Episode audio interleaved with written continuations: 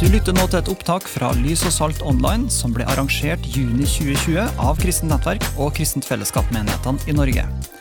Du vil finne mer stoff fra konferansen på lysogsalt.no. Følg oss gjerne på Facebook, Instagram, eller abonner på vårt nyhetsbrev på lysogsalt.no. God fornøyelse. Det var altså veldig interessant, denne praten med Dag Inge. Og sånn som vi hørte Dag Inge Unnstein da, og sånn som vi hørte i det her eh, klippet, så har jo Norge en utrolig rik misjonshistorie. Vi har vært en nasjon som har sendt ut eh, misjonærer til, til, land over hele jorda. Og i, i, fjor sommer så var jeg så heldig at jeg kom over en sånn kartong med, med fortellinger om eh, noen av de første misjonærene som ble sendt til Kina. Og, hos, og Det var fortellinger om unge mennesker. Eh, det her var liksom sånn gamle eh, relativt 100 år gamle da, sånne skrifter som beskrev noe av vandringa til de her unge misjonærene. Livshistorien deres. Folk som opplevde et kall fra Gud til å reise til et annet land og legge ned livet sitt for den nasjonen for å bringe evangeliet dit. I dag så har jeg lyst til å, å dele litt fra Matteusevangeliet og slutten av kapittel 9 og inn i kapittel 10. Der, og Det er på en måte den første utsendelsen som Jesus har av disiplene sine. I, i Matteus 28 så er jo den her mest kjente utsendelsen, nemlig misjonsbefalinga. Mens i Matteus 10 så finner vi den første stedet der Jesus sender ut eh, disiplene sine med, for å forkynne evangeliet om Guds rike. Og Matteus har en sånn eh, innledning til denne utsendelsen, der han på en måte beskriver hva er det som skjer hos Jesus, Jesus som et bakteppe for at han sender ut eh, de tolv eh, apostlene. Og Hvis du har Bibel med deg hjemme eller her i Tromsø, så kan dere nå slå opp i Matteusevangeliet av kapittel 9 og fra vers 35 skal vi lese vers 35 38. Jesus vandra nå omkring i alle byene og landsbyene. Han underviste i synagogene deres, forkynte evangeliet om riket og helbreda all sykdom og plage. Og da han så folkemengdene, fikk han inderlig medfølelse med dem, for de var forkomne og hjelpeløse som sauer uten gjeter. Da sa han til disiplene sine.: Høsten er stor, men arbeiderne få. Be derfor høstens herre sende ut arbeidere for å høste inn grøden hans. Og så kommer da, I forlengelsen av det her så kommer da utsendelsen av de tolv eh, disiplene til Jesus, og så gir han dem instruksjoner i misjonsoppdraget. Men vi skal se litt på, på, det som skjer med Jesus her. for Matteus han beskriver at når Jesus sto midt i det her arbeidet med å undervise, helbrede øh, og, og formidle Guds rike, så så han på folkemengdene. Det står at han fikk inderlig medfølelse med dem, for de var forkomne og hjelpeløse som sauer uten gjeter. I min bibel så står det her 'sauer uten gjeter'. Det står sånn, sånn, med sånn utheva skrift. Og Det betyr at når du leser et sånt eh, avsnitt med sånn utheva skrift i de norske biblene, så betyr det bare at her siteres det en tekst i Det gamle testamentet. Og, og det her eh, uttrykket som 'sauer uten gjeter', hvis, hvis, du tenker hva, hva er det Matteus uh, siterer her, så, så er det egentlig ikke bare én tekst. Men det er mange sånne fortellinger gjennom eh, hele Guds ord som handler om at Gud har et hyrdehjerte for folket sitt. Og at Gud har et hyrdehjerte for alle mennesker. Og denne hyrdesida ved Gud den møter vi gjennom hele Bibelen som et sånt sentralt bilde for å beskrive hvem Gud er. Vi skal komme litt tilbake til det. Men, men bare bare ha med det i bakhodet at, at hver gang du liksom leser om, eh, om denne hyrdefortellinga i Det gamle testamentet, så, så, kan du jo huske på det at det forteller oss noe om hvem, hvordan Gud ser på mennesker, og hvordan, hvordan Jesus opplever å se på mennesker. Så, så, det som Jesus så, da, det var Han så mennesker som var forkommen og hjelpeløse, som sauer uten gjeter. Så, og Det er litt interessant, for hva, når, når, Jesus så på mennesker, så, så, kunne han ha sett mange ting. Han kunne ha sett en nasjon som hadde snudd ryggen til Gud, og som hadde gått sin egen vei. Og fordi de hadde gått sin egen vei, så var de i trøbbel. For hele denne historien til dette folket var på en måte en historie om en trofast Gud og et troløst folk som stadig vendte ryggen til Gud. Og Jesus han kunne ha sett det her folket og tenkt det her folket vender ryggen til Gud. Det her folket har gått sin egen vei. Derfor er de i trøbbel. Og det, Egentlig så fortjener de bare å ha det så godt. Men så er ikke det det som Jesus ser. Det er ikke sånn at han ser folket og ser at de lever i synd og opprør, og så, og så, og så vekkes det avsky liksom, i hjertet hans. Nei, det er ikke det som er responsen til Jesus. Men Jesus han ser på mennesker, og så står det at han ser at de var forkommen og hjelpeløse. Så det forteller meg at når, hvis vi lærer oss å se sånn som Jesus ser, så ser du ikke på syndere liksom med sånn forakt, eller mennesker som har kommet i trøbbel fordi de har snudd ryggen til Gud liksom med, med, en sånn avstand eller en arroganse eller med sinne eller med agg. Men du ser at synden den sliter ut mennesker. Synd den ødelegger. Synd den ødelegger relasjoner. Synden gjør det vanskelig å være menneske. Så det å lære seg å så skje sånn som Jesus så, det er en nøkkel for oss i forhold til det å være utsendt av Jesus. Synden ødelegger.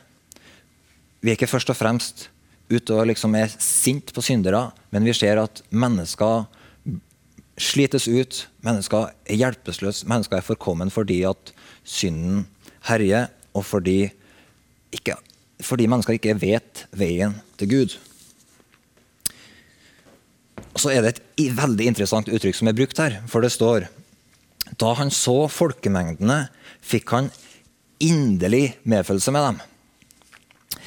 Og det her uttrykket her, da, det er, er visst litt vanskelig å oversette. fordi at det som det uh, betyr på grunntekst, det betyr at han kjente medfølelse i innvollene sine. Det, eller det står, det står, ikke at han kjente medfølelse, men det står at han ble berørt i tarmen. så det, det kan jo være liksom mange måter å bli berørt i tarmen på, men, men Jesus han sa han, Det står her altså når du bruker det uttrykket at han ble berørt i dypet av sitt indre, så forteller det oss at, at Jesus han så noen ting. Han så mennesker, han så nøden de var i, og så ble han berørt i på en måte følelseslivet sitt på en sånn måte at han kjente fysisk. Han fikk en fysisk reaksjon i kroppen. Han var så berørt av det han så, at det, det liksom traff ham i dypet. Um, og det her uttrykket her, det brukes faktisk bare om Jesus i Det nye testamentet. Uh, det vil si, det brukes om Jesus, og så brukes det i to lignelser. Uh, den ene lignelsen det er lignelsen om den bortkomne sønn. Om, og, det, og, Da brukes uttrykket det her inderlige medfølelsen. Det brukes når, eh, når du har I fortellinga så har du den bortkomne sønnen. Han, han, kaster jo bort arven sin i et liv i synd. Og så står det om faren hans som, som ser sønnen komme imot den langt unna. Og når han ser sønnen sin, så sier Jesus at da, da han, fikk han inderlig medfølelse med ham. Da når han så sønnen sin, så fikk han en medlidenhet som bare berørte den fysisk. Eh, og som gjorde at han sprang henne i møte, omfavna han og tok imot den. Ikke med liksom ei liste over alt han hadde gjort galt, men han ga han tilbake sønnekåret og verdigheten og tok imot den med nåde. Så det forteller oss at det her, det her er jo en lignelse om Guds farshjerte i møte med syndere. Så det forteller oss at, at når Jesus beskriver sin himmelske far, så beskriver han Guds farskjærlighet med denne samme inderlige medfølelsen som han sjøl kjente på. Nå, den andre lignelsen hvor Jesus bruker dette uttrykket 'inderlig medfølelse', det er faktisk lignelsen om den barmhjertige samaritan. Og I lignelsen om den barmhjertige samaritan så er det en som blir tatt av røvere og banka og forlatt i veikanten. Og så er det da to ulike menn som passerer på veien uten å bry seg. Og Så kommer det en samaritan forbi, og han, når, så står det i, så sier Jesus at når han så mannen, så fikk han inderlig medfølelse med han.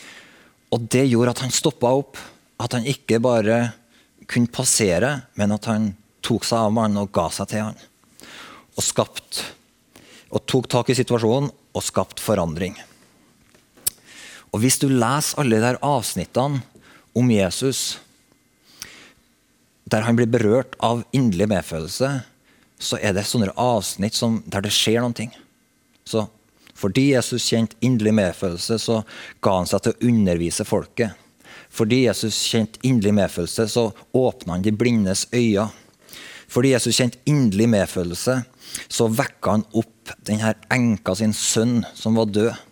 Så Jesus, han, han, Jesus var på en måte ikke en sånn kynisk, beregnende eh, religiøs leder, men han var et menneske i kjøtt og blod som hadde det her pulserende medlidigheten fra sin himmelske far, som banka i hjertet hans, og som gjorde at han han ble grepet av medfølelse på en sånn måte at gjorde at han, han begynte å tro og, og handle og, og, sette mirakler i verk og gi folk Guds ord og bringe inn Guds rike. Så Jesus sin Guds rike-formidling var en sånn det, det, var en respons òg på at han fikk medfølelse med mennesker.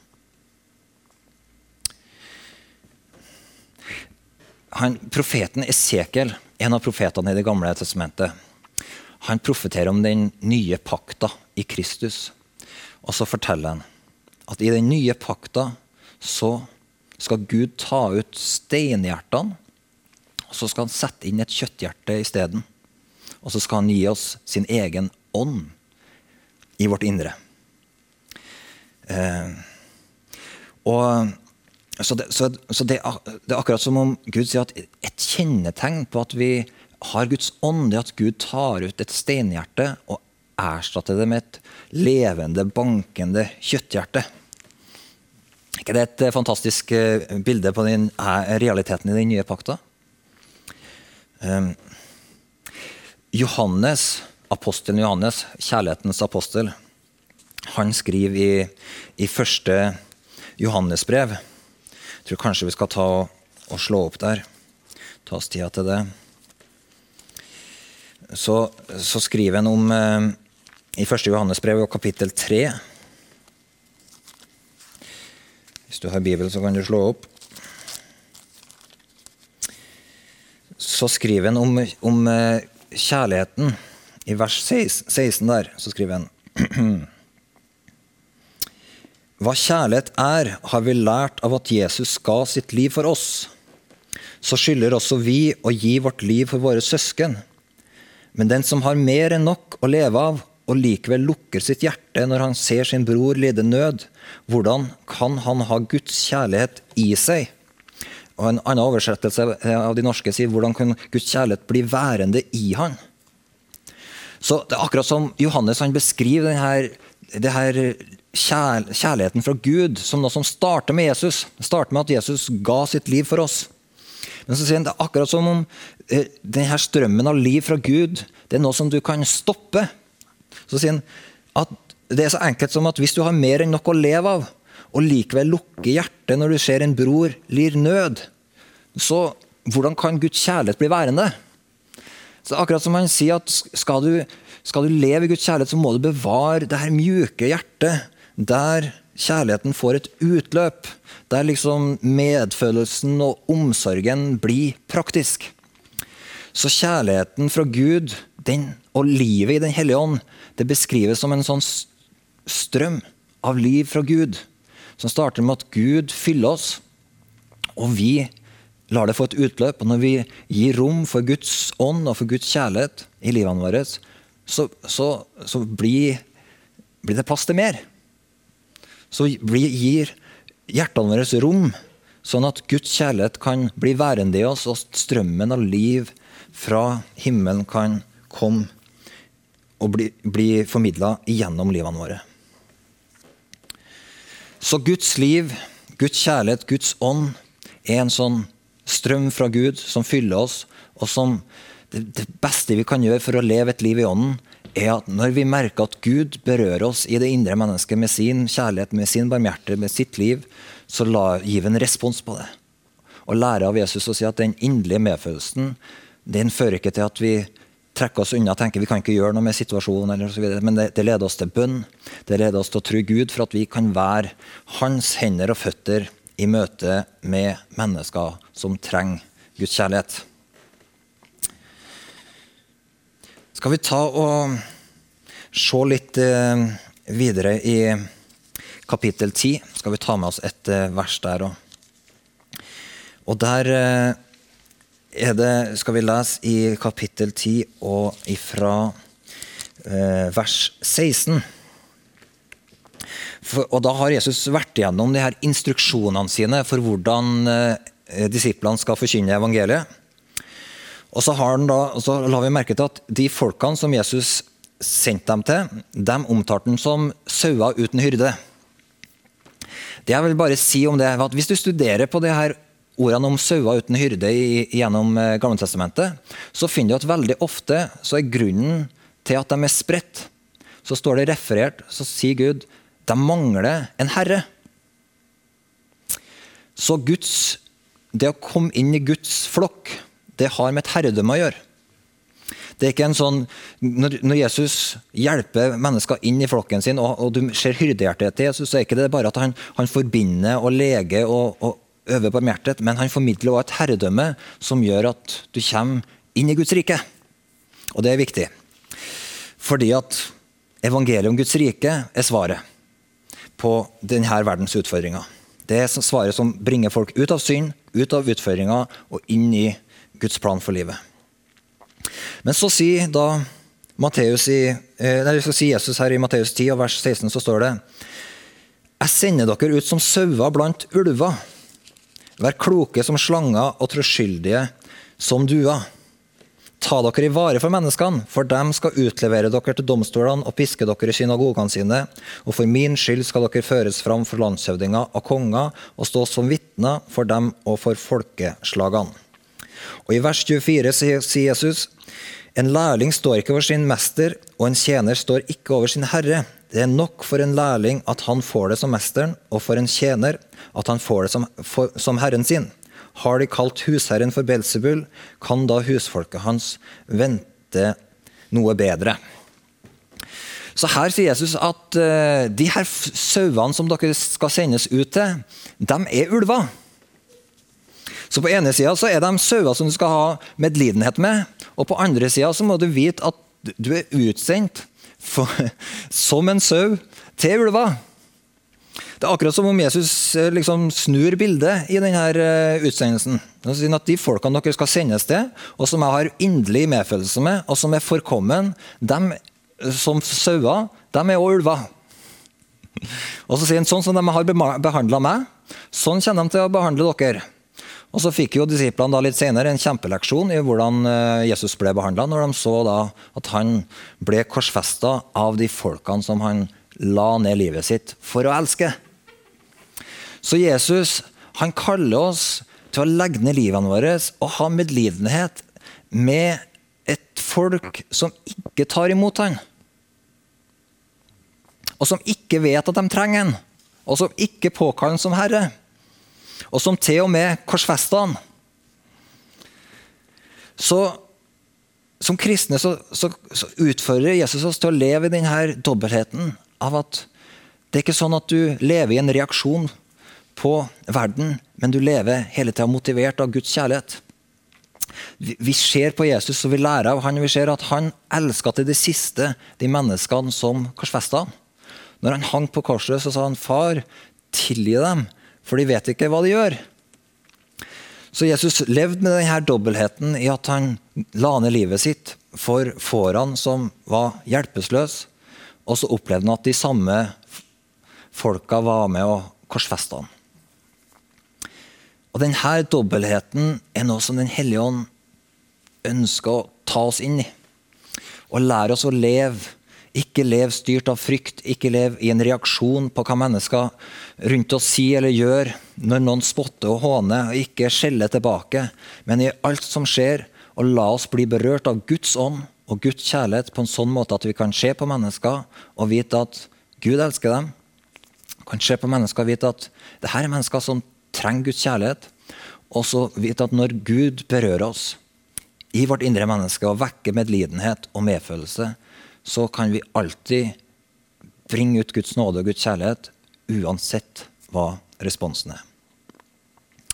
Far, vi takker deg for Jesus sitt forbilde. Og far, vi takker deg for at uh, vi kan få vite at vi er sendt ut til en nasjon som på ene sida ikke vet at de trenger deg, og på den andre sida så er det ingen i verden de trenger mer enn deg, Jesus. Og far, vi ber om at for alt ditt folk i landet, at vi skal få være bærere av ditt liv og din kjærlighet på en sånn måte at vi kan bringe ut medlidenhet, medtank, omtanke, Herre, barmhjertighet, og, og formidle evangeliet om riket ditt til denne nasjonen, Jesus. Amen.